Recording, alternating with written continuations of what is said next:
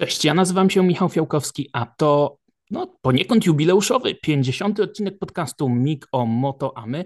Dzisiaj razem z Piotrkiem Biesiekirskim podsumujemy Grand Prix Ameryk kategorii MotoGP. Grand Prix Ameryk, w którym bardzo dużo się działo. Peko Baniaja zaliczył kolejną wywrotkę i tłumaczy ją w dosyć absurdalny sposób. Z kolei Fabio Quartararo bardzo ciekawie wytłumaczył, czego potrzebuje Yamaha, aby znów e, walczyć o czołowe pozycje, ale o tym wszystkim e, za chwilę. Za chwilę porozmawiamy też o kolejnych zwycięstwach Piotrka w Mistrzostwach Hiszpanii, e, ale najpierw przejdźmy do wprowadzenia tego weekendu w Ameryce, w Teksasie. Circuit of the Americas, fantastyczny tor, chociaż bardzo nierówny, składający się z kilku różnych asfaltów. No i przed weekendem dwa tematy, które e, rozgrzewały padok do czerwoności. Pierwszy z nich to oczywiście Toprak Razgatlioglu, mistrz świata superbajków, testujący Yamaha M1 na torze w Jerez de la Frontera. No i testujący bez e, jakichś szałowych rezultatów, ponieważ e, Toprak był o ponad półtorej podobno sekundy wolniejszy niż e, Dani Pedroza, który wykręcił najlepszy czas i był także o prawie sekundę wolniejszy od kierowcy testowego Yamaha Kala Crutchlowa. I Lynn Jarvis, szef e, tego wyścigowego działu Yamaha w czwartek rozmawiał z dziennikarzami i mówił, że no, no tak, Toprak w superbajkach to super, ale na tej M1 to tak nie mógł się za bardzo odnaleźć, miał trochę problemów, to jest jednak inna maszyna, on potrzebuje więcej czasu, a w ogóle to naszą pierwszą opcją na przyszły sezon to jest Franco Morbidelli, to fajnie by było jakby Morbidelli e, znów wrócił do czołówki. Bardzo myślę, te słowa Lina Jarvisa mówią wiele na temat sytuacji Topraka Razgatrioglu i te jego szanse na awans do MotoGP w przyszłym roku w barwach Yamahy podobno na ten moment zerowe. E, Piotr Biesiekirski, zwycięzca dwóch ostatnich wyścigów Mistrzostw Hiszpanii Superstock 1000 na torze Motorland Aragon, ponownie e, gości w podcaście Mikomoto. E, Piotrek, po pierwsze, gratulacje. E, o tym, co się działo w Aragonii, jeszcze porozmawiamy, ale powiedz, jak ty to widzisz, jeśli chodzi o Topraka, szczególnie, że masz przecież takie doświadczenie. Jeździsz e, superstokiem, czyli no R1 takim samym modelem motocykla jak Toprak w superbajkach. Oczywiście ten superbike mocniej przerobiony, no ale to jest ta sama maszyna. I jeździsz też oczywiście w wyścigach Moto 2 na motocyklu prototypowym. Wiem, że Moto 2 to nie jest MotoGP, ale to jest ten prototypowy koncept. To jest ta sztywna prototypowa rama, która się prowadzi zupełnie inaczej niż rama e, drogowa. No i myślisz, że rzeczywiście aż tak duże problemy mógł mieć Toprak e, z dostosowaniem się do takiego wyścigowego prototypu? Mm, myślę, że tak, zwłaszcza Dobra, który ma taki bardzo spektakularny i może niekoniecznie agresywny styl jazdy, ale bardzo dobrze odnajduje się, kiedy motocykl jest e, niestabilny. I widzimy to w GP, że zawodnicy bardzo pilnują tego, żeby motocykl cały czas jechał po optymalnej nitce. Jeśli chodzi o wrażenia z R1 i Moto2, no to prototypowa klasa prowadzi się zupełnie inaczej. Naprawdę nie ma nic do porównania, ale jeszcze silnik ten e, triumfowy, ten 765 trzycylindrowy jest na tyle mocny, że faktycznie musimy z tym motocyklem pracować plus minus tak jak litrem, ale jest, nie ma tej mocy na tyle dużo, żeby wszystko mm, można powiedzieć, żeby motocykl nie zdążył się uspokoić do następnego zakrętu. I myślę, że to jest ta główna różnica między Moto2 a GP. Oczywiście nie miałem okazji jeździć jeszcze przynajmniej na, na żadnej maszynie z królewskiej klasy, ale jestem w stanie sobie wyobrazić, że to może być najtrudniejszy aspekt jazdy, czyli że tak naprawdę cały tor e, nie jest podzielony na pojedyncze zakręty, w których musimy trzymać tą koncentrację i poprawić coś, tylko jest na tyle mocny, mm, że wszystkie zakręty nam się zlewają w całość i tak naprawdę z całego toru robi się jedna bardzo, bardzo długa sekcja, na której jeśli go zdestabilizujemy w jednym miejscu, to albo musimy stracić bardzo dużo czasu, żeby to odzyskać, albo po prostu tracimy odrobinę czasu przez całe okrążenie. E, efekt plus minus ten sam. I nie zdziwiłbym się, gdyby to właśnie była sytuacja e, Topraka, że po prostu nie był w stanie uspokoić tej maszyny tak bardzo, albo jechać z nią na limicie, wciąż pilnując e, tego spokoju, mm, spokoju zachowania całej maszyny. A mi to się najbardziej podobało to jeszcze w tej twojej wypowiedzi. E, i za to jeszcze też e, trzymam mocno kciuki, e, ale jeszcze też Honda nie testowała podobno ramy Kalexa w Jerez de la Frontera. I to jest też taka informacja i taka rzecz, o której dużo się mówiło. Honda w tarapatach, wielki kryzys, nic z tego nie będzie, wszyscy daleko z tyłu, a tu nagle proszę, Mark Marquez w Portugalii w czołówce, a Alex Rins wygrywa w Austin przed weekendem. Alex Rins narzeka właśnie na Hondę, że nie wykorzystują jego e, nie tyle potencjału, co w ogóle jego osoby, bo e, powiedział Alex Rins, że e, Honda dała mu w Argentynie przetestować ramę Marqueza, ale już nie chcieli mu dać ramy Mira. Te wszystkie trzy ramy się od siebie różnią. No i był troszeczkę niepocieszony, ale też dużo się mówiło o tym, że miała Honda testować tę ramę Kalexa w Jerez de la Frontera. Stefan Bradl, kierowca testowy zastępujący Marka Marqueza w Austin, mówi: Nie, nie, nie, żadnej ramy nie testowaliśmy. Czy faktycznie tak było, czy oni ściemniają, trudno powiedzieć. Do Hondy jeszcze wrócimy. Zostańmy na moment przy Marku Marquezie. Opuszcza Marquez rundę w swoim ukochanym Austin, gdzie wygrywał chyba sześć razy, o ile dobrze pamiętam, w MotoGP. No i e, opuszcza także e, karę, którą nałożono na niego po Grand Prix Portugalii. Ta kara e, miała zostać odbyta w Argentynie. Wiemy, że tak się nie stało. Wiemy, że sędziowie później wydali taką klaryfikację, e, że ta kara będzie do odbycia, jak już Marquez na tor wróci. Honda się od tego odwołała. No i teraz tak. Jak najbardziej jest to zasadne, moim zdaniem. Ta kara powinna być do E, odbycia, jak już zawodnik wraca. Ale sędziowie tutaj sprawę pokpili, źle to opisali w przepisach, źle to e, ubrali jakby w słowa, no i Repsol Honda się od tego odwołuje. E, MotoGP kieruje całą tą historię do swojej najwyższej instancji, czyli do takiego sądu sportowego MotoGP. Tam niezależni sędziowie. Co ciekawe, wśród nich nie tylko dyplomata e, unijny z jakimiś bardzo dużymi sukcesami, ale też polskie nazwisko Marek Małecki, o ile dobrze pamiętam. E, co ciekawe, adwokat o takim imieniu i nazwisku bronił na przykład przed laty Lwa, Lwa Rywina w bardzo słynnej sprawie tutaj w Polsce, więc ciekawe, czy tutaj jest jakiś związek. No i ci sędziowie uznają, że kara na razie zostaje, odbycie tej kary zostaje wstrzymane, ponieważ jest duża szansa, że Repsol, Honda i Marquez wygrają to odwołanie.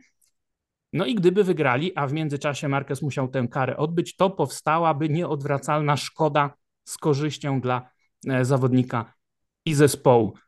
Moim zdaniem decyzja sędziów e, słuszna e, i szczerze mówiąc, tak troszeczkę mam nadzieję, że Marquez to wszystko wygra, żeby utrzeć nosa organizatorom, a raczej sędziom i powiedzieć, panowie, ogarnijcie się.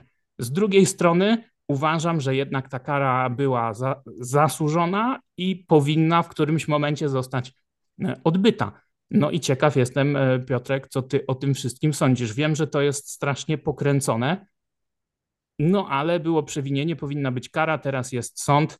Mm, co ty na to wszystko?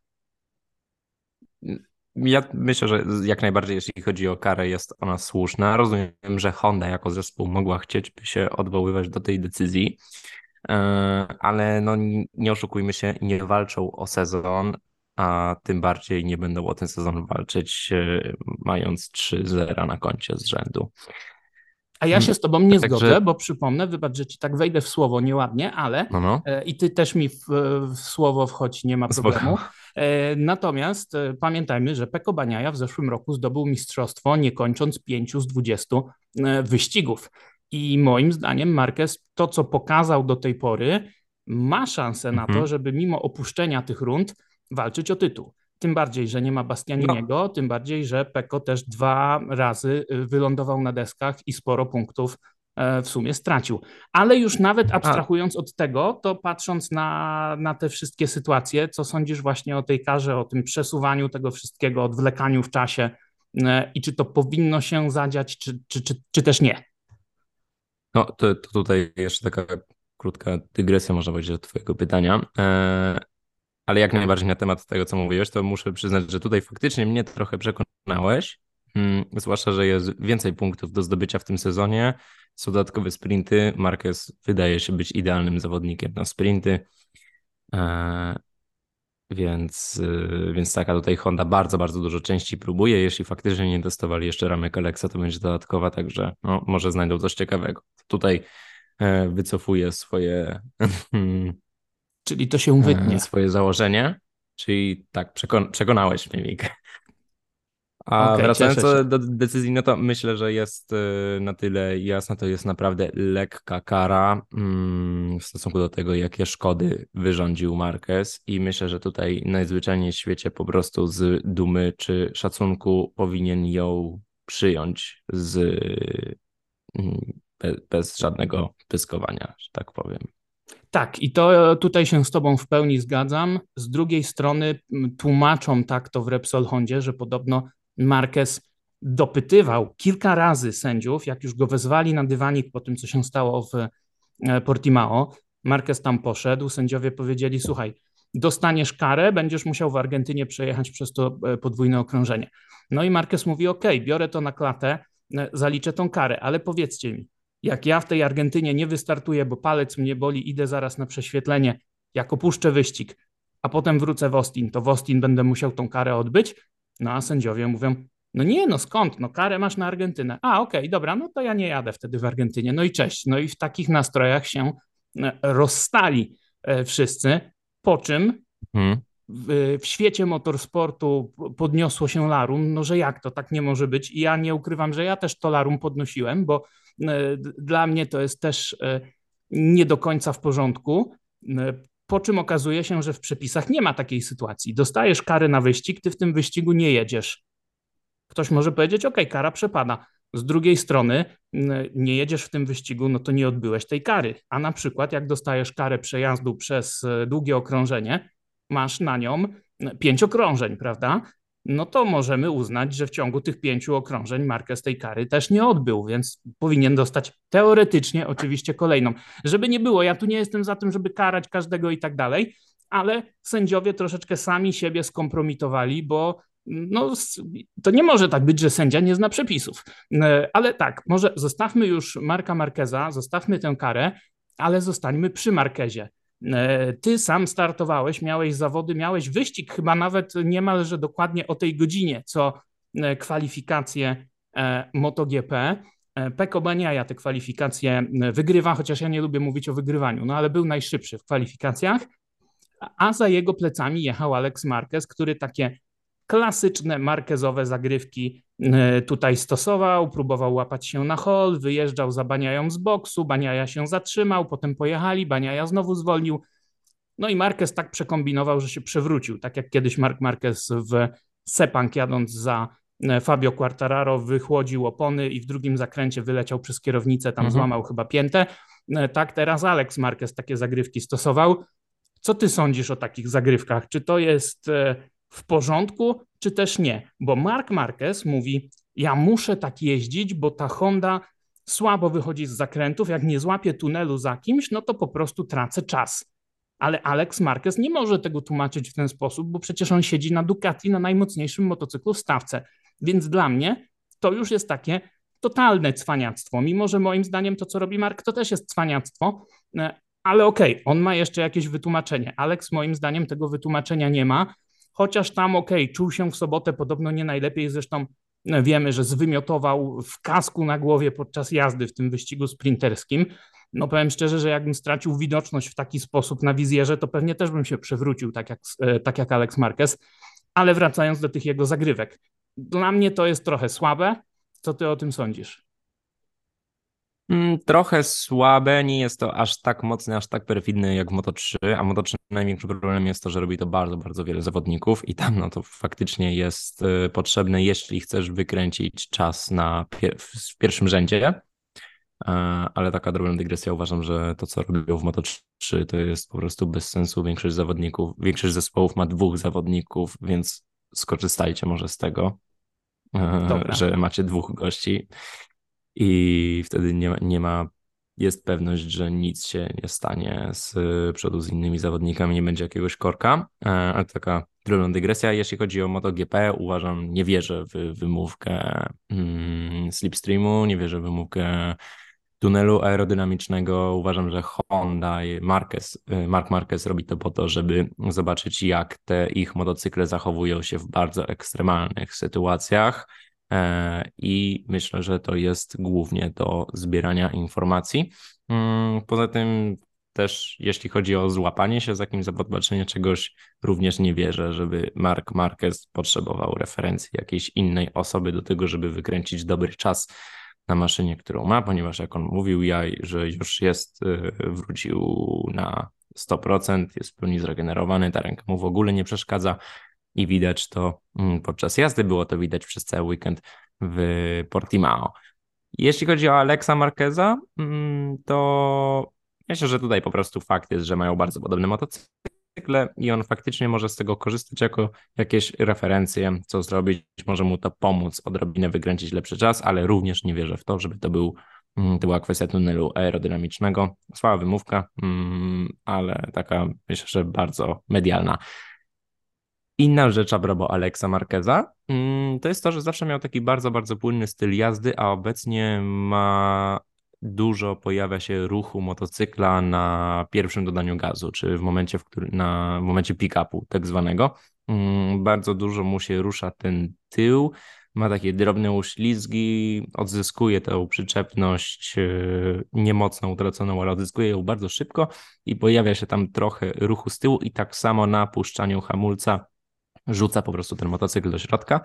E, jest to coś, czego niespecjalnie widziałem po Aleksie Marquezie w swoim najlepszym sezonie, oczywiście, kiedy zdobył mistrza świata w mm, Moto2, jechał bardzo tak zdecydowanie, bardzo płynnie, naprawdę po prostu tym motocyklem rzucał na jedną i na drugą stronę, ale nigdy tego w cudzysłowie nie przepałowywał, czyli zawsze y, składał go na 100%, a nie na 101 i musiał potem skorygować, wrócić.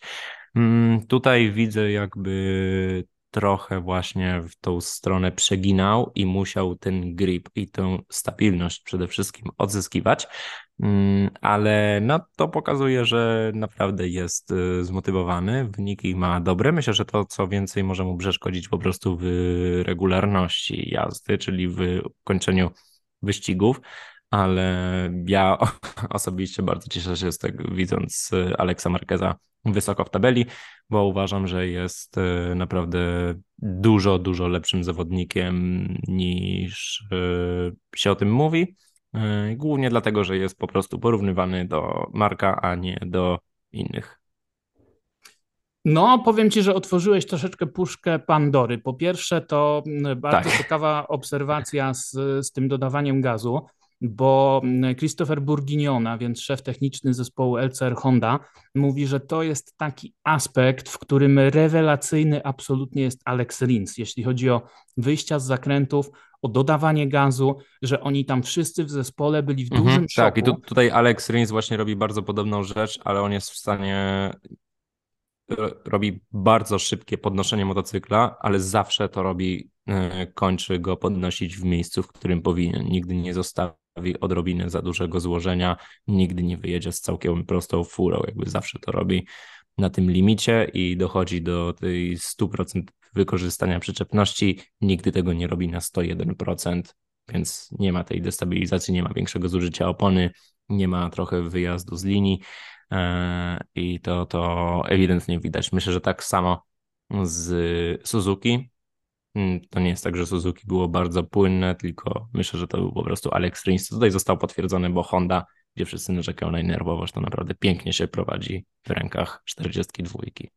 Dokładnie. E, tak też mówili w zespole LCR Honda o tym, że on jeździł bardzo płynnie na Suzuki i oni się obawiali, czy on sobie poradzi ze zmianą tego stylu jazdy, e, bo ta Honda wymaga większej agresji. No i podczas pierwszych testów w Walencji spodziewali się, że cały ten dzień testowy upłynie właśnie na tym, że będzie trzeba tego Rinsa informować, co on musi zmienić, żeby jeździć właśnie bardziej agresywnie. A on nie, on wsiadł, on się przestawił i od razu od pierwszej sesji już zaczął pracować nad setupem, nad jakimiś takimi kwestiami, które e, wprawiły zespół w mocny, mocne zaskoczenie. I tak jak mówisz, ten, e, to, to dodawanie gazu na wyjściach e, jeszcze no, z 15 lat temu, myślę, Yamaha miała taką tradycję, że zawsze pod koniec sezonu organizowała z dziennikarzami taki briefing e, techniczny, podsumowanie techniczne sezonu. Oni tam opowiadali, pokazywali, co zmienili, jak zmienili, pokazywali dane e, i ten jeden z pierwszych sezonów ery MotoGP, pamiętam, że pokazali właśnie taki wykres, jak działa kontrola trakcji i jak działa ta prawa ręka Valentino Rossiego, że on operuje tym gazem w taki sposób, że dochodzi naprawdę do momentu, w którym już ta kontrola trakcji powinna się aktywować, ale on był w stanie idealnie, te wykresy prawie że się pokrywały. To nie było tak, że on ani nie wykorzystywał tego, co mógł, ani nie przesadzał i nie zmuszał tego motocykla do jakiejś przesadnej ingerencji. No i tutaj pod tym względem Alex Rins jest bardzo podobny. Myślę, że przez wielu niedocenianych, a tymczasem to jest zawodnik, który z ostatnich sześciu wyścigów przecież wygrał aż trzy, bo E, z tych trzech ostatnich poprzedniego sezonu wygrał dwa, w tym finał w Walencji. No i teraz w trzecim starcie na Hondzie Alex Rins wygrywa e, po raz kolejny. Podejrzewam, że jakbyśmy sobie policzyli punkty z tych trzech ostatnich wyścigów tamtego sezonu i trzech wyścigów tego sezonu, to teraz Alex Rins byłby liderem klasyfikacji generalnej, takiej zimowej. E, natomiast to nie on wygrał ten wyścig w, w Austin, wyścig sprinterski przynajmniej, bo może o nim chwilę. E, wygrał ten wyścig Peko e, Baniaja. Powiedział po wszystkim, że to był w ogóle najlepszy dzień w jego życiu w MotoGP, że wszystko było pod totalną kontrolą i w ogóle spacerek po parku. Rins był drugi. E, mówił po tym wyścigu, że no, trochę było gorąco i właśnie był problem z tą elektroniką, która nie do końca dawała radę w tym upale. No ale naciskał tam Peko Baniaje 2,5 sekundy tylko zanim ten wyścig ukończył. I tu bym zostawił pierwszą dwójkę, bo o nich bym chciał porozmawiać e, troszeczkę szerzej e, przy okazji wyścigu głównego. Za nimi działy się ciekawe rzeczy. E, Jorge Martin, osłabiony antybiotykami, przyjeżdża na trzeciej pozycji, wygrywa fajną, myślę, walkę z Alejszem Espargaro, który nigdy nie lubił torów w Austin, czy raczej nigdy mu tam dobrze nie szło i nigdy dobrze nie szło Aprilli, a tutaj walka o podium, atak w przedostatnim zakręcie na Jorge Martina. Jorge Martin nawet nie trzeba Oj, chyba pięknie mówić... to wyglądało, zwłaszcza, że oglądaliśmy sprint wtedy w boksie i też e, również inne zespoły równolegle do nas to oglądały i strasznie fajnie to wygląda, kiedy nagle ktoś wyprzedza jest jakiś ekscytujący moment i po prostu słychać krzyki na całej długości padoku a było wtedy widać, kto ma lepszy internet, bo ja tak mam na osiedlu, jak e, lecą jakieś takie duże piłkarskie wydarzenia. Ja nie jestem jakimś fanem piłki nożnej, no ale jak tam nasi grali na mundialu, odpalałem sobie to w internecie, legalnie oczywiście, taką relację, czy nawet jeszcze w, w telewizji, jak to było dostępne, i nagle się okazywało, że tak idzie tam Lewandowski do bramki, jest w połowie boiska, jeszcze z dobre 5-10 sekund, zanim on do tej bramki dobiegnie, a ja już na całym osiedlu słyszę jej, więc to pokazywało, że jednak mam trochę opóźnienie, no, e, ale myślę, że tam wszyscy pewnie po jednym Wi-Fi lecieli, więc jak już ten padok eksplodował, to, to wszyscy razem. Ale... Tak, wszyscy naraz. Dokładnie, więc e, myślę, że to było dla nas jako kibiców to było fajne, ekscytujące, natomiast dla Jorge Martina to chyba nie było jakieś specjalnie trudne, tym bardziej, że on po wyścigu zaskoczył tymi słowami, że nie, no jak już Alejsza wyprzedziłem, to tak jechałem sobie spokojnie, bo słaby byłem, źle mi było, niedobrze, tam jakieś smarki w nosie miałem, więc tak tylko sobie jechałem, a on to w ogóle by mógł trochę bardziej tam agresywnie mnie atakować, a, a nie atakował. Także no trochę Jorge Martin tutaj mam wrażenie e, idzie po bandzie, no ale to też pokazuje no, jednak ja tutaj dużą... nie, nie, nie, mhm. Nie wiem, czy się zgodzę do końca, bo faktycznie były takie momenty, gdzie ja kiedyś startowałem w, z Anginą. To było w 2021 roku na Portimao. W końcu nie, mogłem, nie byłem w stanie pojechać w wyścigu, ale przejechałem treningi czwartkowe i piątkowe. Ci, że w ogóle nie pamiętam co tam robiłem. Nic świadomie to po prostu tylko myślałem o tym, żeby nie, nie zemdleć, ale ręce, nogi, wszystko robiły dokładnie to samo. Mi się wydawało, że jechałem straszliwie wolno i na początku byłem przekonany i mówię tutaj szczerze, byłem przekonany, że się zepsuł GPS i dlatego mi pokazywał tak dobre czasy, cały czas obcinające, a zwłaszcza, że Jorge Martin, dlaczego to mówię? E, bo Jorge Martin jest bardzo agresywnym zawodnikiem i tak jak mówiliśmy, eksplozywnym, więc te sprinty naprawdę bardzo by bardzo mu podeszły do gustu i myślę, że wciąż jego ta spokojna jazda na antybiotykach, kiedy jest osłabiony i tak jest dużo mocniejsza, dużo bardziej eksplozywna niż time attack e, niektórych spokojniejszych zawodników. A tutaj jeśli chodzi o Alejsza Espargaro, no to zdecydowanie nie wydaje mi się, że miał jakiś margines, żeby faktycznie bardziej agresywnie atakować, bo to wyprzedzenie to nie było tak, on no, nie liczył na to, że go wyprzedzi, wiedział, że wyjedzie szeroko, ale to było takie spróbowanie, że kurde spróbuję, nie wiem, może coś się wydarzy. No taki akt desperacji. E, zrobił to bardzo ładnie, agresywnie, przepałował, ale bez e, tworzenia jakiegoś dużego ryzyka, e, czy to dla niego, czy dla Jorge Martina, więc dla mnie jak najbardziej ruch legalny i, i przepisowo, i że tak powiem, dżentelmensko. A, no, ale zdecydowanie myślę, że tutaj Jorge Martin faktycznie mógł odczuwać to, że jechał dużo spokojniej, ale no, tak jak mówiłem, on jest bardzo eksplozywnym zawodnikiem, więc myślę, że ten jego mm, spokojny styl jazdy i tak jest bardzo intensywny. To prawda, no i Jorge Martin tutaj podium e, wywalczył. Myślę, że to też pokazuje, że jednak Ducati ma dużą przewagę nad Aprilią. Dużo o tym się mówiło jak ta Aprilia jest blisko.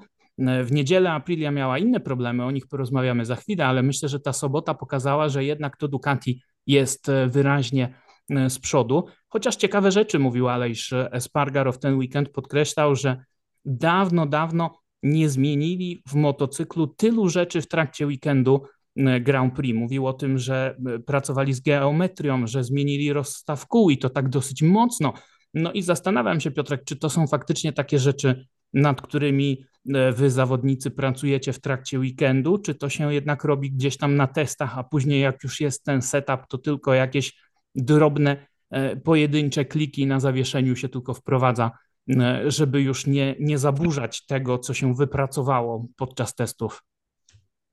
No, zazwyczaj staramy się na testach zimowych, tak naprawdę nie skupiamy się na rzeczach jak jakieś e, końcowe czucie, na przykład taki drobny czater w niektórych miejscach, gdzie nie ma obciążenia przodu jest troszkę ignorowany i tak samo. Ogólnie to jak motocykl się zachowuje w takim maksymalnym, maksymalnym obciążeniu, ale mm, bardziej pilnujemy po prostu samego ustawienia, samego balansu, tego jak motocykl się fajnie zachowuje, a tak naprawdę w Moto2 jest wiele ustawień, Galaxy jest taką bardzo mm, elastyczną ramą, e, elastyczną w sensie przenośnym, że można ją dostosować pod siebie, pod e, najróżniejsze style jazdy. Obecnie nowe opony to trochę uniemożliwiają, ale tak czy siak samą ramę można czy ustawienia dostosować pod danego zawodnika i tak naprawdę na tym jest e, polega pierwsza połowa testów, a potem już od tej bazy mm, eksperymentuje się mm, w najróżniejsze strony na różnych torach. Są tory, które mają bardzo inne charakterystyki, ale tak naprawdę cały czas pilnuje się tego, mm, żeby w, na różnych torach, w różnych warunkach motocykl zachowywał się w bardzo podobny sposób. Poza tym, że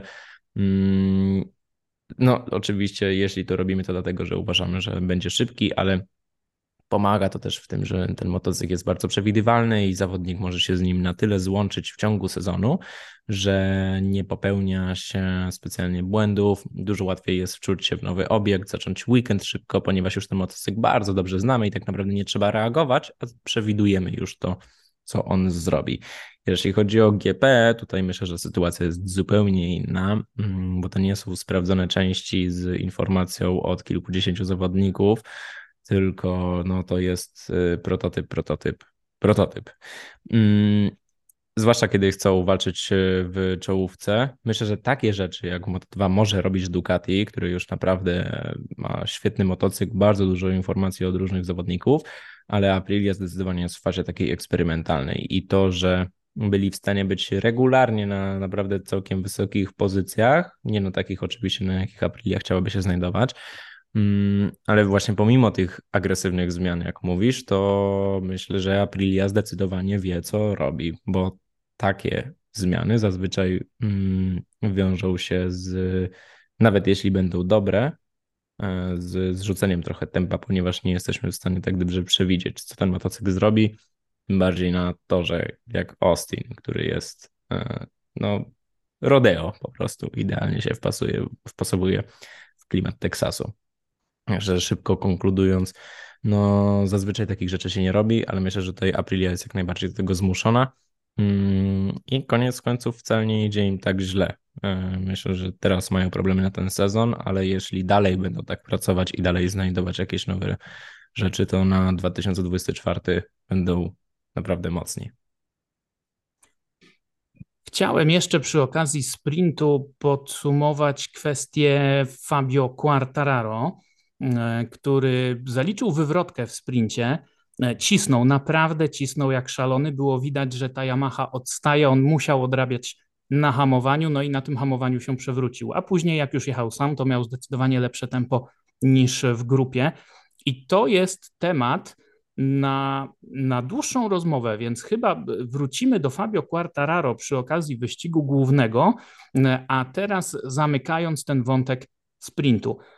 To nie był tak ekscytujący sprint jak te dwa poprzednie i w padoku jest taki konsensus, że to z jednej strony troszeczkę zawodnicy już wiedzą, jak te sprinty przebiegają, już nie mają takich gorących głów, żeby tam od razu cisnąć w każdym zakręcie. Z drugiej strony bardziej kwestia samego toru, na którym no nie ma aż tylu miejsc do, do wyprzedzania. Jak wpadamy w te, w te eski na początku okrążenia, to tam za bardzo nie ma gdzie zaatakować, chyba że to jest naprawdę jakiś desperacki ruch. I później dopiero jedenastka, dwunastka, ale do tego czasu już nam się stawka rozjeżdża i potem jak już Ducati odwinie e, manetkę, to nie ma gdzie zaatakować. I zawodnicy mówią spokojnie, w Heres znowu będzie mucka podczas sprintu. E, czy też masz takie e, odczucie, wrażenia, bo ja powiem szczerze, że na to liczę, bo jednak te sprinty okazały się absolutną rewelacją a w sobotę troszeczkę tych emocji, nie chcę powiedzieć, że zabrakło, bo to był nadal fajny wyścig, ale to nie była taka sieczka jak podczas tych dwóch poprzednich. No tak, sprint, gdyby to był pierwszy sprint, myślę, że wszyscy by powiedzieli, że bardzo ekscytujący, ale patrząc na niego przez pryzmat e, Portimao oraz Argentyny, był bardzo nudny. Mm, jednak to myślę, że to jest kwestia tylko i, myślę, że to jest kwestia tylko i wyłącznie toru. E, pomijając już fakt, że jest mniej miejsc do wyprzedzania, to jest to tor, na którym zawsze widzimy dużo większe różnice czasowe i nie tylko z powodu tego, że jest dłuższy, ale również jak to sobie przeliczymy na procentowe straty, są większe po prostu niż na innych obiektach e, i nie jest to tor, na którym chcesz bardzo, bardzo mocno cisnąć, e, z, głównie ze względu na to, że jest strasznie, straszliwie nierówny, więc to też powoduje, że jest po prostu mniej przewidywalny. Jak już złapiemy czucie na danej linii z danym ciśnieniem hamowania, obciążeniem i tym podobne, no to faktycznie możemy powtarzalnie jeździć na limicie, ale w momencie, w którym trzeba nagle zaryzykować mocniej, żeby ustawić się przed jakimś zawodnikiem i zrobić tak zwanego block passa, przejeżdżając jeszcze przez inną linię, no to wtedy sprawy mogą się trochę skomplikować. Ale tak czy siak jest tam całkiem sporo miejsc, gdzie można innych wyprzedzić. Natomiast, no, tak jak mówiłem, myślę, że po prostu przez to, że na, są na nim większe różnice procentowe w czasie niż e, na innych obiektach, to powoduje, że po prostu wszyscy są odrobinę dalej siebie. To prawda. E, podsumowując, sprint Peko Baniaja, Alex Rins, Jorge Martin na podium. Poza tym podium Alejsz Spargaro, Brad Binder ponownie e, po pogoni. Marco Bezeki, lider klasyfikacji generalnej, trochę przezroczysty na tej e, szóstej e, pozycji, zanim Luca Marini, Miguel Oliveira wracający po kontuzji, Jack Miller, no i Maverick Vinales dopiero dziesiąty po słabym starcie, podkreślający, że te starty są dosyć mocno problematyczne dla niego, ale to jest tylko i wyłącznie E, jego wina. Fabio Quartararo po tej wywrotce wraca na tor, kończy wyścig na 19 pozycji. O Fabio Quartararo porozmawiamy e, za moment, e, bo właśnie za moment czas na danie główne wyścig. No ale temperatura spada w sobotę 30 stopni Celsjusza, w niedzielę tylko 21 i to powodowało duże problemy i teraz sobie o nich właśnie porozmawiamy. Te niższe temperatury i do tego silny wiatr, to wszystko sprawiło w połączeniu jeszcze z nierówną nawierzchnią, że przyczepność była w niedzielę dużo niższa, zużycie przednich opon było dużo większe, dłuższy dystans też powodował te problemy z ciśnieniem. dane z reszty weekendu nie do końca przydatne, no bo było cieplej i wszystko to skończyło się tak, że mieliśmy aż dziewięć wywrotek w tym wyścigu głównym, niedzielnym. No i ta najważniejsza chyba wywrotka całego wyścigu, wywrotka Peko Baniai. Może od niego zacznijmy, bo powiem szczerze, że ja chyba pierwszy raz słyszałem takie wytłumaczenie wywrotki. Peko Baniaja jadąc na czele, naciskany lekko przez e, Aleksa Rinsa, ale jednak mam wrażenie, mając wszystko pod kontrolą, zalicza wywrotkę w pierwszym sektorze, puścił przód na wejściu w zakręt numer 3, o ile dobrze pamiętam. Ja mam wrażenie, że Peko tam wjechał troszeczkę szerzej niż na poprzednich okrążeniach.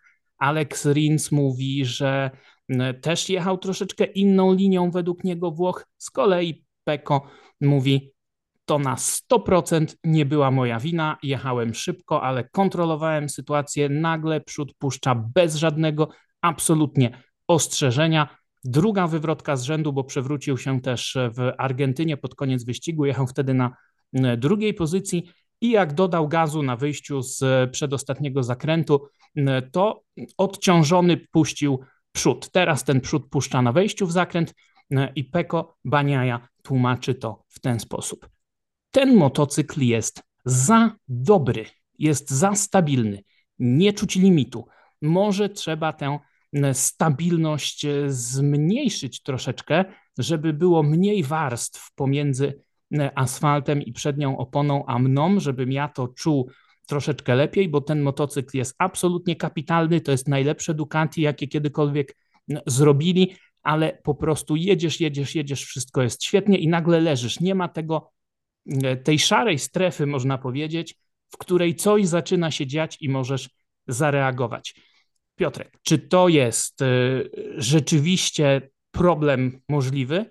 Czy to jest Peko Baniaja, który próbuje się jakoś wytłumaczyć e, z kolejnej wywrotki, bo pamiętajmy, w zeszłym roku, jak już mówiliśmy, nie ukończył pięciu wyścigów, a jeszcze rok wcześniej przewracał się dużo częściej i przez to tak naprawdę przegrał walkę z Fabio Quartararo o ten mistrzowski tytuł w 2021 e, roku.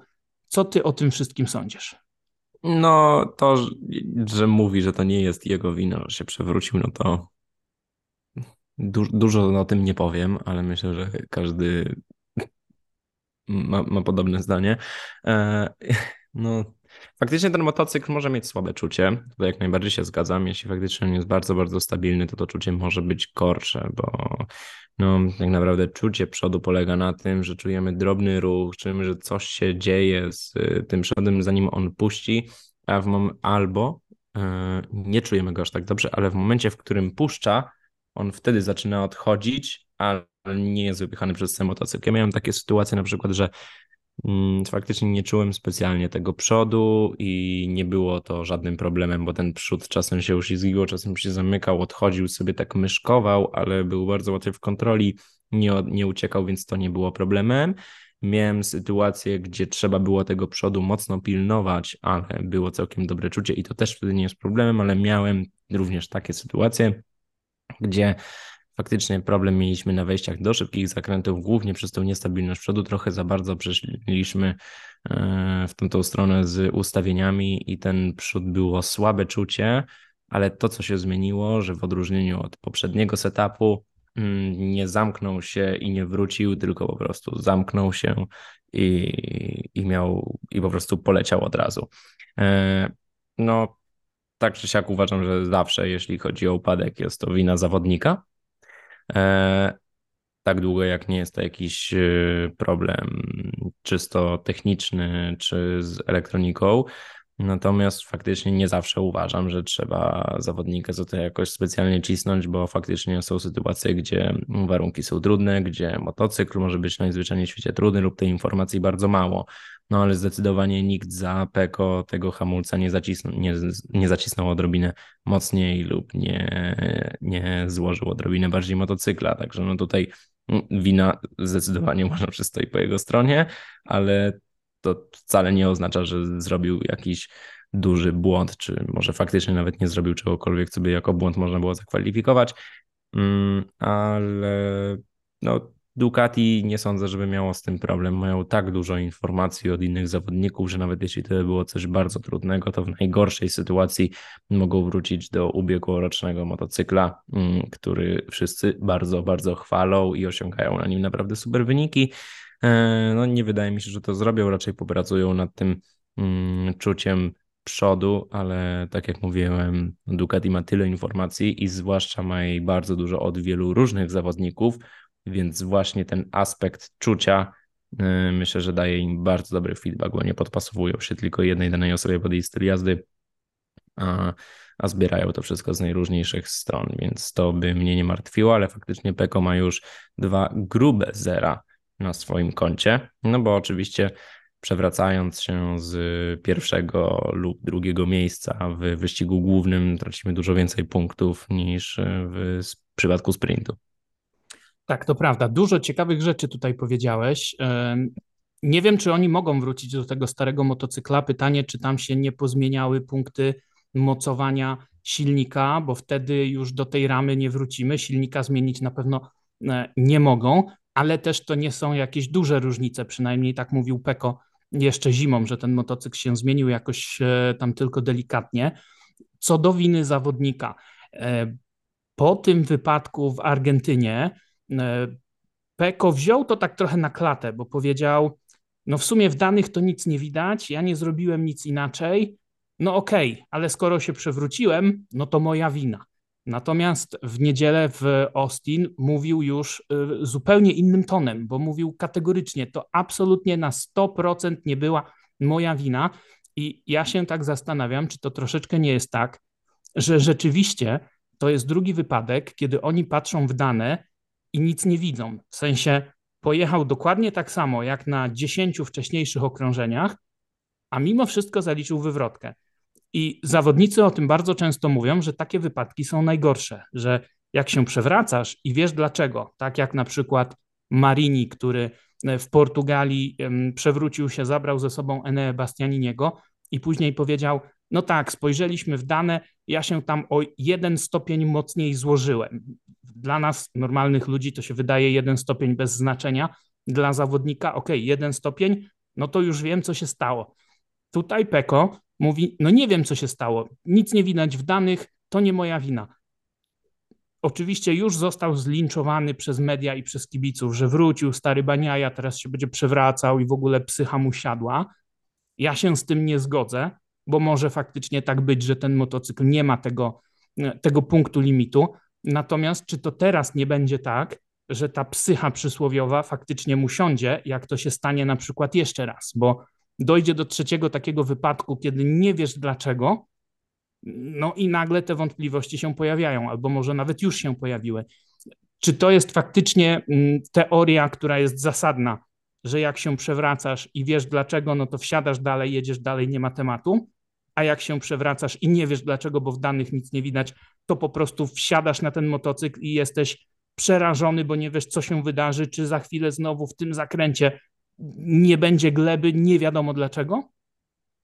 Mm, I tak, i nie. Ogólnie, je, je, jeśli wiemy dokładnie, dlaczego się przewróciliśmy, to dużo łatwiej jest po prostu wrócić na tor, wyjechać i tak naprawdę już od pierwszego okrążenia jechać e, i kręcić bardzo dobre czasy, bardzo podobne, a może nawet najlepsze z weekendu. Mm, kiedy nie wiemy, co to dokładnie było, no to może faktycznie kilka okrążeń więcej na to potrzeba i potem już znowu jesteśmy w stanie wrócić prawie że do tego tempa. Z tym, że tutaj kluczowe jest to prawie. Stawka GP jest teraz tak straszliwie ściśnięta, mm, że jeśli Peko sobie odpuści to odrobinę i zleci 0,2 sekundy na okrążeniu na dystansie wyścigu, to już nie ukończy jedną pozycję dalej, tylko jakieś 3 czy 4. E, także tutaj nie jest to aż taka duża różnica, ale myślę, że bardzo kluczowa, no zwłaszcza jeśli chcesz walczyć o tytuł. Bo wiadomo, pierwszy jest tylko jeden i nie ma znaczenia, czy ciebie wyprzedzi jedna czy dziesięć osób, jak już nie jesteś pierwszy. Hmm, więc tutaj zdecydowanie Ducati musi nad tym popracować. Hmm, jest o tyle dobrze, że sezon jest całkiem długi, więc e, mają czas na to, żeby te punkty w jakiś sposób odrobić.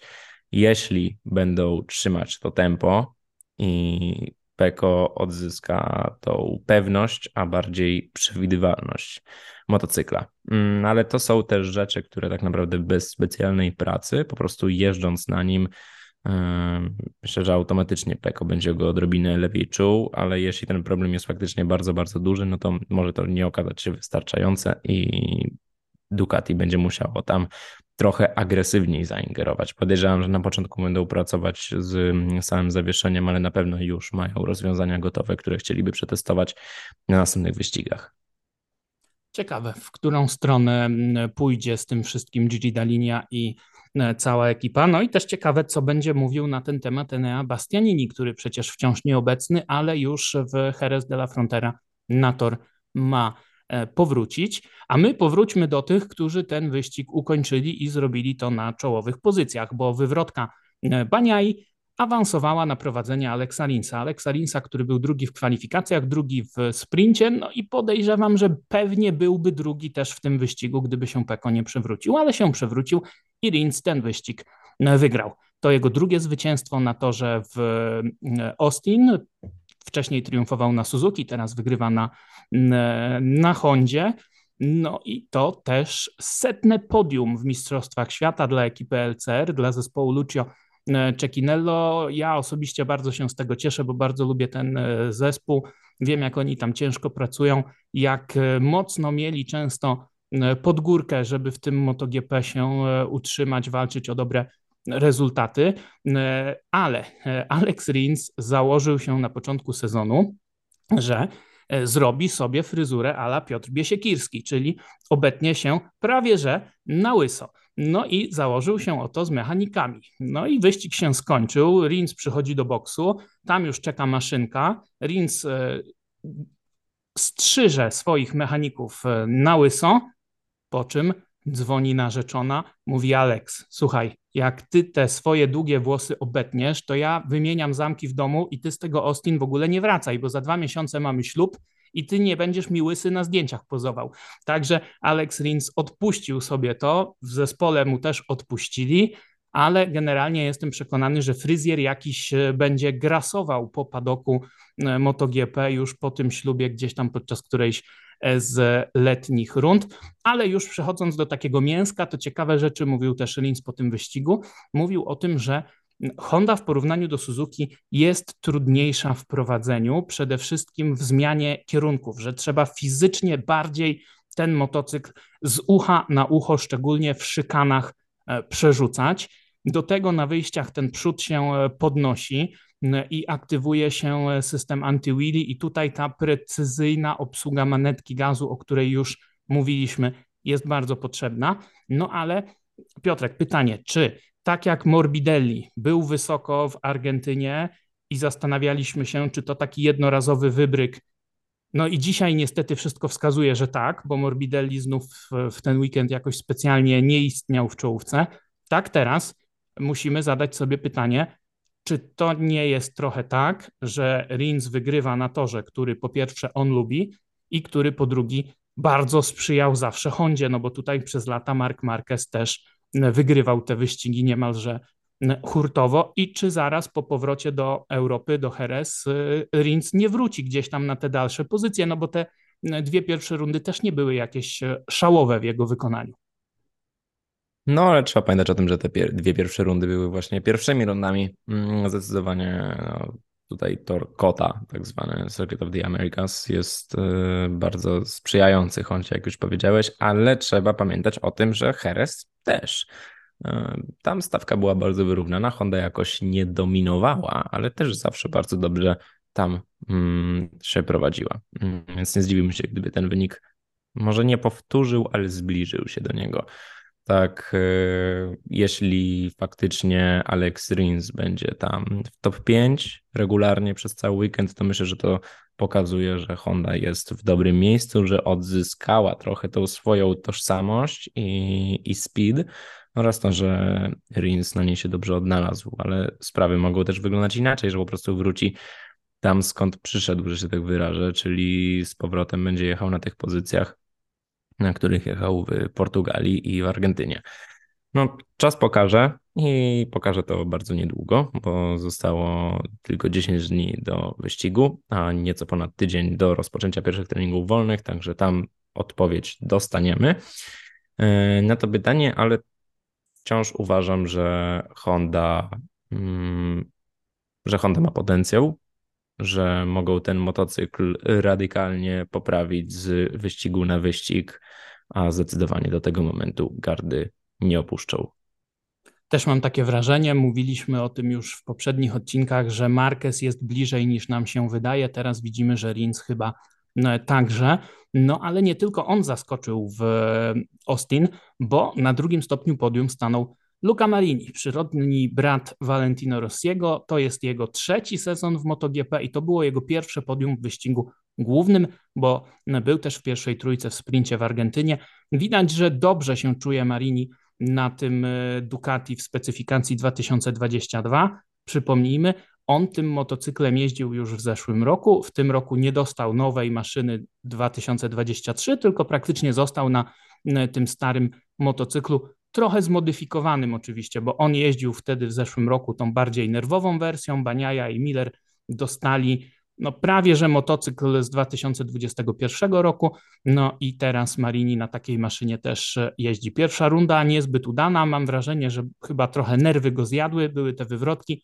W Argentynie już było bardzo dobrze, a w Austin e, Luca Marini stanął na drugim stopniu e, podium, e, ale nawet jego przyrodni brat Valentino Rossi w jednym z wywiadów mówił w ten weekend, że no tak, te wyniki są, ale my sobie też zdajemy sprawę, że one są dzięki temu, że jesteśmy na Ducati. Bo jakbyśmy byli na Yamasze, to pewnie by tak różowo nie było. No i też takie głosy się pojawiają, czy oni przejdą na tą Yamahę, czy też nie. Mamy dużą grupę takich e, zawodników, Marini, Bezeki, Alex Marquez, o którym mówiłeś. Oni mają potencjał, żeby w tym roku wygrywać, ale też nie da się ukryć, że mają troszeczkę e, przewagi. Myślę, że taka, takie pytanie, który z nich jest najlepszy, to jest e, wątek w ogóle na osobny podcast i chyba nawet tej puszki Pandory nie będę chciał teraz otwierać, E, bo chciałbym otworzyć inną. I to jest taka puszka z napisem Yamaha.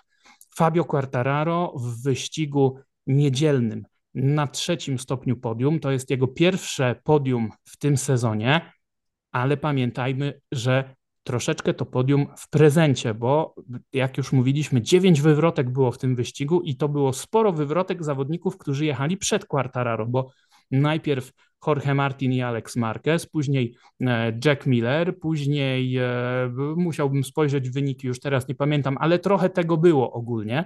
E, I tutaj no, to. Baniaja. Właśnie, Baniaja przede wszystkim. I gdyby nie to wszystko, byłby Fabio Quartararo gdzieś tam siódmy, ósmy pewnie. 4,9 sekundy do zwycięzcy to nie jest dużo, ale w sobotę Fabio Quartararo był absolutnie wściekły, sfrustrowany. Mówił, że jedzie totalnie na limicie. Co ciekawe, też mówił o tym, że nie czuje tego O i było to zdecydowanie widać. Jak tak. To, jak po prostu jechał w sobotę, no to nie powiedziałbym, że to była po prostu agresywna jazda i że cisnął jak szalony, bo wyglądało jakby miał wszystko pod taką mega kontrolą, ale był po prostu absolutnie zmuszony do tego, żeby jeszcze bardziej cisnąć. Ja nie widziałem Fabio mm, jako zawodnika, który nie, nie wyglądał jakby cisnął bez głowy w tym wyścigu. Wydaje się, że wszystko naprawdę bardzo dobrze kontrolował, tylko po prostu to wciąż nie było wystarczające i musiał jeszcze tę granicę Mm, wielokrotnie przekraczać. Ja dla mnie po prostu wyglądał na najszybszego zawodnika na torze, jeśli rozmawiamy tutaj czysto o skillu, e, ale zdecydowanie no, Yamaha mu tutaj nie pomagała. No właśnie, bo to wygląda spektakularnie, ale chyba nikt nie chce, żeby tak wyglądała jego jazda. Chcesz wyglądać jak Max Biaggi 20 lat temu w 250, kiedy wydaje się, że jedziesz 3 sekundy wolniej od wszystkich, a ty jedziesz sekundę szybciej od nich, ale wygląda to po prostu tak płynnie. Natomiast tutaj agresja była przepotężna. Quartararo mówił o tym, że tylko na hamowaniu był w stanie odrabiać gdzieś tam te straty, natomiast na wyjściach z zakrętów to była katastrofa. I po pierwsze mówi, ja nie mogę walczyć z tymi rakietami, bo to nie są motocykle, tylko to są rakiety, jeśli chodzi o konkurencję. Ale dopytywany przez dziennikarzy, z czego to wszystko się bierze, Fabio Quartararo moim zdaniem wytłumaczył to E, no chyba w, po raz pierwszy tak szczegółowo, tak precyzyjnie i wiemy dokładnie na czym ten problem Yamahy e, polega. Ten silnik nie dość, że jest wolny, no mimo, że jest trochę mocniejszy niż w poprzednim sezonie, to on nadal jest wolny, a do tego jest bardzo agresywny. Fabio mówi, że jest ogromny problem z unoszeniem się przedniego koła, szczególnie na takich wyjściach z wolnych zakrętów, a tych wolnych zakrętów w Austin mamy przecież bardzo dużo, bo wyjście z pierwszego zakrętu, później wyjście na tą tylną prostą, e, później e, w tym ostatnim sektorze z tego ciasnego podwójnego lewego, no i wyjście na prostą startową. Dużo jest takich miejsc, gdzie to wheelie jest bardzo duże, przód się unosi, no i tracisz w tym momencie prędkość. Nawet jak masz mocny silnik, to nie jesteś w stanie tej mocy opanować, a tutaj tej mocy nie ma. No i co zrobić w takiej sytuacji? Konkurencja wstawiła sobie aerodynamikę. Te wszystkie skrzydełka, te wszystkie elementy aerodynamiczne, one pozwalają utrzymać przednie koło przy asfalcie. Ale pojawia się problem, bo Fabio Quartararo mówi, że Yamaha nie może tego zrobić, bo jak to wszystko by zamontowali takie duże, jakby chcieli, to wtedy jeszcze bardziej będą tracić na prostych, bo wtedy ten silnik nie będzie, będzie jeszcze bardziej jakby kastrowany przez tą aerodynamikę. I dokładnie ten sam problem jeszcze kilka lat temu miała Aprilia, która też miała takie ogromne, gigantyczne wąsy, bo mieli bardzo nerwowy silnik, zrobili bardzo duży pakiet aero i zaczęli bardzo dużo tracić na prostych. No i Fabio Quartararo mówi, nie możemy tej aerodynamiki zastosować, bo mamy za słaby silnik, a bez tej aerodynamiki on jest za nerwowy. I to błędne koło się zamyka. Nie widać z tego błędnego koła wyjścia. I Fabio Quartararo mówi, no moim zdaniem wyjście jest jedno, silnik V4. Tylko Yamaha została na placu boju z rzędową czwórką, ale to rozwiązanie się nie sprawdza. Ono jest po prostu za wolne. Jak dla mnie to jest jeszcze wręcz sytuacja bardzo ironiczna, no bo przecież cała ta idea rzędowego silnika polega na tym, że on pracuje płynnie mm, i że on nie traci mocy, bo tam w fałkach trzeba stosować te wałki wyrównoważające, żeby mm, ta moc e, żeby ta moc była płynna, ale te wałki kosztują moc, no a tutaj tak, nie ma tego wałka, a moc i tak nie jest płynna, a silnik nie jest mocny. No i do tego jest szeroki i ciężko się jeszcze przekłada w zakrętach. Więc Fabio Quartararo mówi, nigdy nie jeździłem fałką, ale to jest chyba kierunek, w którym musimy pójść. Lin Jarvis z Yamahy mówi, nie no, my tego nie planujemy teraz wprowadzić. Nie mamy zespołu satelickiego, nie mamy tego jak testować. A co będzie, jak się w 2027 roku zmienią przepisy? No, hello, 2027 to jest za 4 lata. Ja rozumiem, że nie da się zrobić takiego silnika w jeden sezon, ale mam wrażenie, że Yamaha jest po prostu skazana na pożarcie na te najbliższe lata może się przepisy zmienią, bo te zespoły faktycznie wszyscy producenci, wszystkie zespoły podpisały umowę na 5 lat do końca sezonu 2026 na starty w MotoGP. Później może te przepisy się jakoś zmienią, ale na razie nikt absolutnie o tym nie mówi. Więc jak się nie zmienią, to w ogóle Yamaha będzie jeszcze bardziej z tyłu. E, I ja się zaczynam zastanawiać, czy to nie jest jakieś budowanie gruntu pod to, żeby z tego MotoGP się wycofać, no bo jeżeli nie masz zespołu satelickiego, masz silnik, który jest e, absolutnie bez szans, a do tego nie chcesz tego silnika zmieniać, no to jak ma być lepiej? Nie może być lepiej. Dla mnie to jest jakaś absurdalna sytuacja. Nie wiem, Piotrze, co ty o tym wszystkim sądzisz, ale mnie to aż głowa boli, jak o tym mówię, bo serce pęka patrząc na to, co się dzieje z Fabio Quartararo. No i tutaj myślę, że powiedziałeś kluczową rzecz, e, ponieważ e, no, R6 nie produkuje się już zbyt dużo, a z tego co mi się wydaje, to dokładnie zero. E, tak samo. One są tylko, tak, masz rację, one są tylko w wersji e, na tor, te wszystkie normy emisji spalin i tak I dalej. I bardzo mało ich jest produkowanych. E, tak. W dodatku jest tak samo z R1 nie wygląda ta sprawa pozytywnie, żeby miała przejść nowe normy emisji.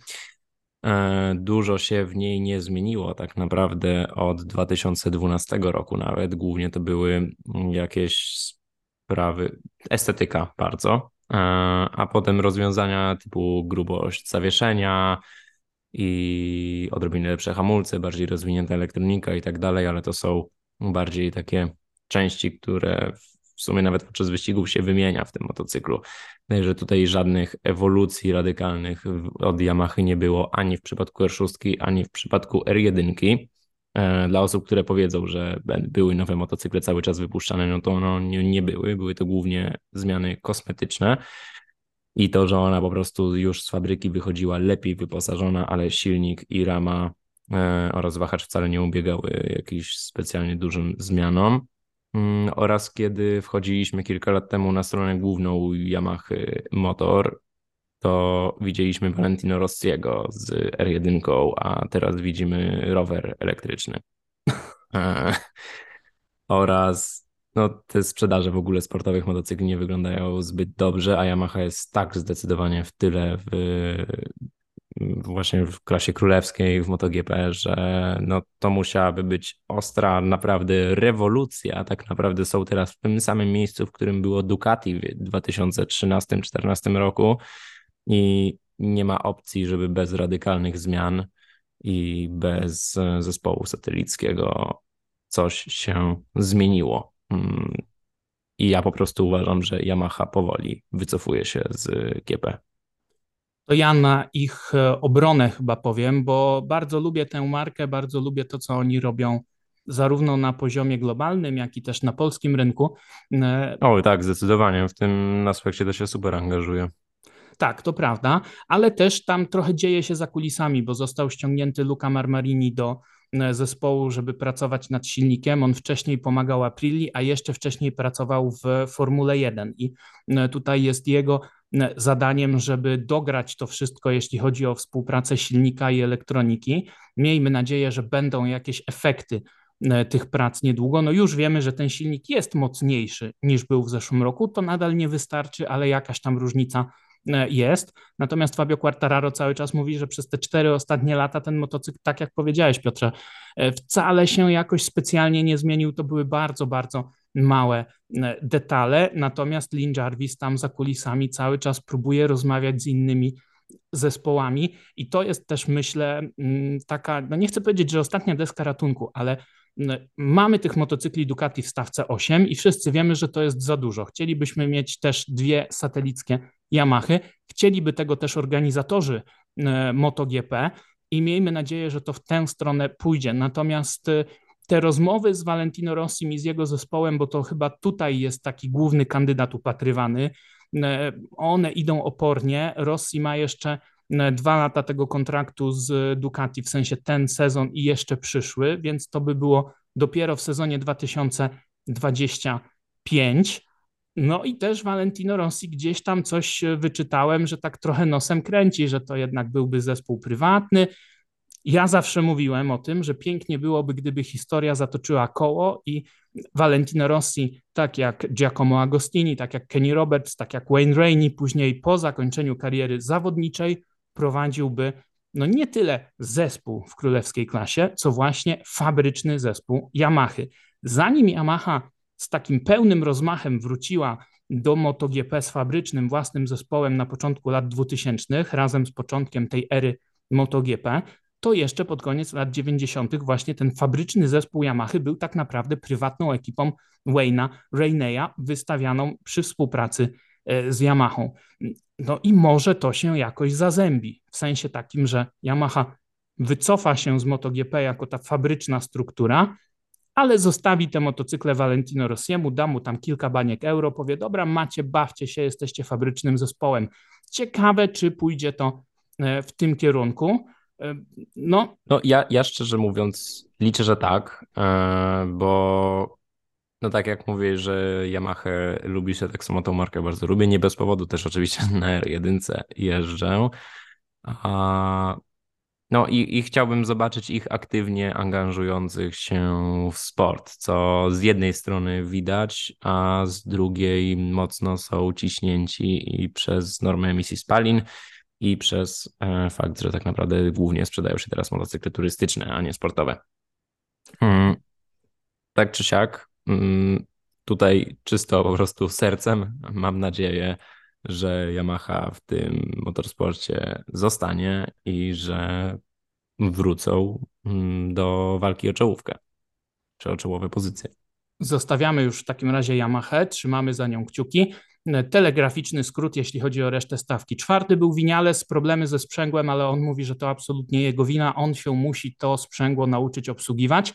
Mówi, że szkoda, bo była szansa na zwycięstwo. Piąty Oliveira wracający po kontuzji. Szósty Bezeki, e, który mówił, że mógłby trochę lepiej zarządzać przednią oponą, ale i tak to by się na podium e, nie skończyło. Cały czas e, też zdziwiony tym, że nie tylko prowadzi, ale wręcz powiększył przewagę w klasyfikacji generalnej. Siódmy Joan Zarko, chyba najciekawsza rzecz tego weekendu, jeśli chodzi o niego, to była taka, że E, poznał się wreszcie osobiście z Romanem Grożanem, spędzili razem kilka dni w Stanach, byli na golfie, na tenisie, na rowerze. E, Franco Morbidelli na ósmej pozycji, startował z 14 pola, mówił, że mógłby być trochę bardziej agresywny, e, no ale, no ale, no dopiero ósmy. Jorge Martin, on wyścigu nie ukończył, nie ukończył go także E, Alex Marquez, e, Martin Wywrotka w trzecim zakręcie zaraz po starcie. On tłumaczy, że tam Aleix Espargaro pojechał szeroko przez dwójkę, więc on inną linią i tam nie było przyczepności. No ale to jest kolejna wywrotka Jorge Martina. Słabo to e, wygląda. Jack Miller, on zachwycony, mimo że wyścigu nie ukończył, mówi, że super ten KTM się prowadzi, wydłużyli rozstaw kół, Jack Miller miał szansę na podium, ale się przewrócił i ta wywrotka w wyścigu była jego szóstą wywrotką w ten weekend. Coś niesamowitego. Ale się Spargaro e, w drugą stronę, krótszy rozstaw kół, no ale niestety też wyścig nieukończony. Co prawda e, powód był nieco inny, blokujący się system blokady tylnego zawieszenia w jego motocyklu i w Raula Fernandeza również. Obaj tego wyścigu nie ukończyli. Wywrotkę zaliczył też Brad Binder, on do mety dojechał na 13 pozycji. Kolejna runda MotoGP już, tak jak powiedział Piotrek, w następny weekend w Jerez de la Frontera, ale my to wszystko teraz zostawiamy, bo ja chciałbym na koniec pogadać o tym, co działo się na torze Motorland Aragon. Piotrek, dwa zwycięstwa w kategorii Superstock 1000. W niedzielę walczyłeś z superbajkami, sekunda od podium, no i tam kawałeczek tylko za niejakim Tito Rabatem, który przecież jeszcze niedawno jeździł w MotoGP. Jak ten weekend wyglądał z Twojej perspektywy? No, na początku w piątek mieliśmy bardzo dużo problemów, z, czy w piątek, w czwartek na pierwszym treningu wolnym. Czas był naprawdę całkiem dobry, jeśli chodzi o, o pierwszy trening, więc z tym jakoś nie specjalnie się martwiliśmy, ale ten motocykl no nie było czuć, jakby miał jakiś duży potencjał do tego, żeby jeszcze bardziej przyspieszyć, pomimo tego, że go specjalnie mocno nie cisnąłem. Potem daliśmy zawieszenie do Olinsa, okazało się, że po prostu e, coś no, nie, nie będę dokładnie się zagłębiał, ale generalnie stan techniczny e, widelca nie był, nie był zbyt dobry, optymalny. Mm, krótka wizyta w serwisie Andreani, który zawsze jest na, na torze. E, no i wszystkie problemy się rozwiązały i tak naprawdę od drugiego e, treningu przy okazji, pomimo tych problemów byliśmy w stanie zobaczyć, jak wygląda balans motocykla i tak dalej, popracować trochę z amortyzatorem, to właśnie zrobiliśmy, a w momencie, kiedy dostaliśmy już e, sprawny e, widelec, to tak naprawdę motocykl zachowywał się tak dobrze, że już potem sprowadzaliśmy tylko drobne zmiany, jak e, troszkę regulując kompresję i czy przepływ oleju w zawieszeniu przednim i tylnym oraz poziom tego oleju z przodu. I tak naprawdę do tego to się sprowadziło. Potem były bardzo drobne zmiany, największe chyba z hamowaniem silnikiem i już pracowaliśmy nad nimi tylko dlatego, żeby coś zrobić, zobaczyć, czy możemy w jakiś sposób nawet nie urwać czas, a spowodować, żeby ten motocykl był bardziej komfortowy mm, podczas jazdy, bardziej, mnie, bardziej przewidywalny.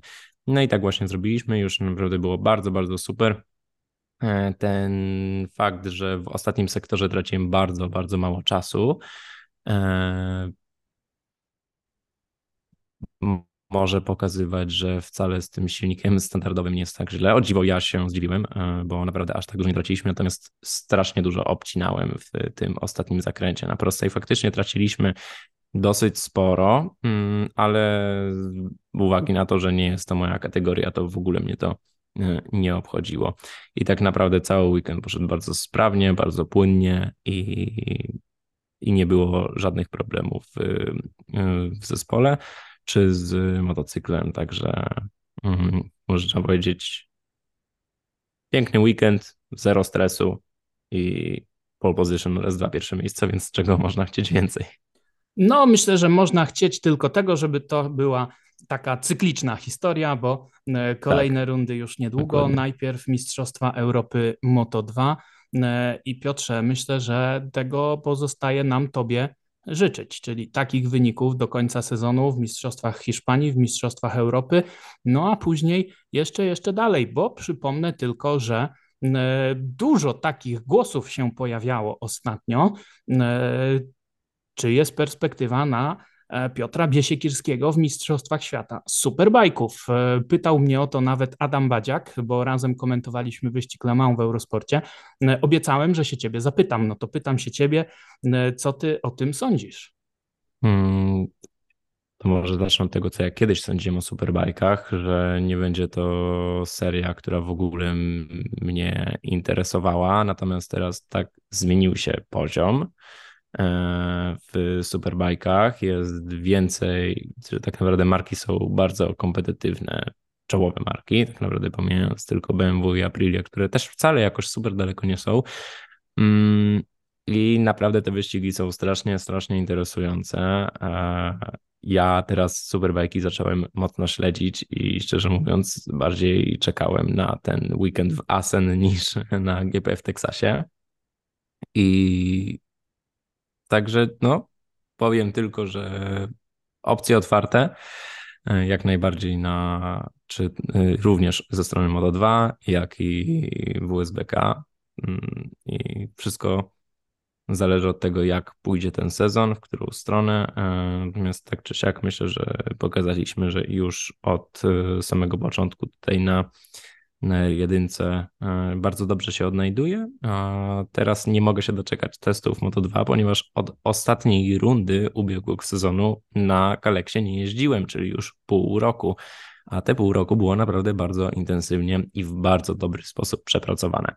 Także jeśli chodzi o, o przyszłość, no to nawet gdybym chciał, nie mógłbym nic powiedzieć, e, czy nawet gdybym miał coś do powiedzenia, e, to to nie mógłbym powiedzieć, ale na razie nic nie wiadomo. Sezon dopiero co się zaczął, a tak naprawdę w mojej głównej serii nawet jeszcze nie było pierwszych testów.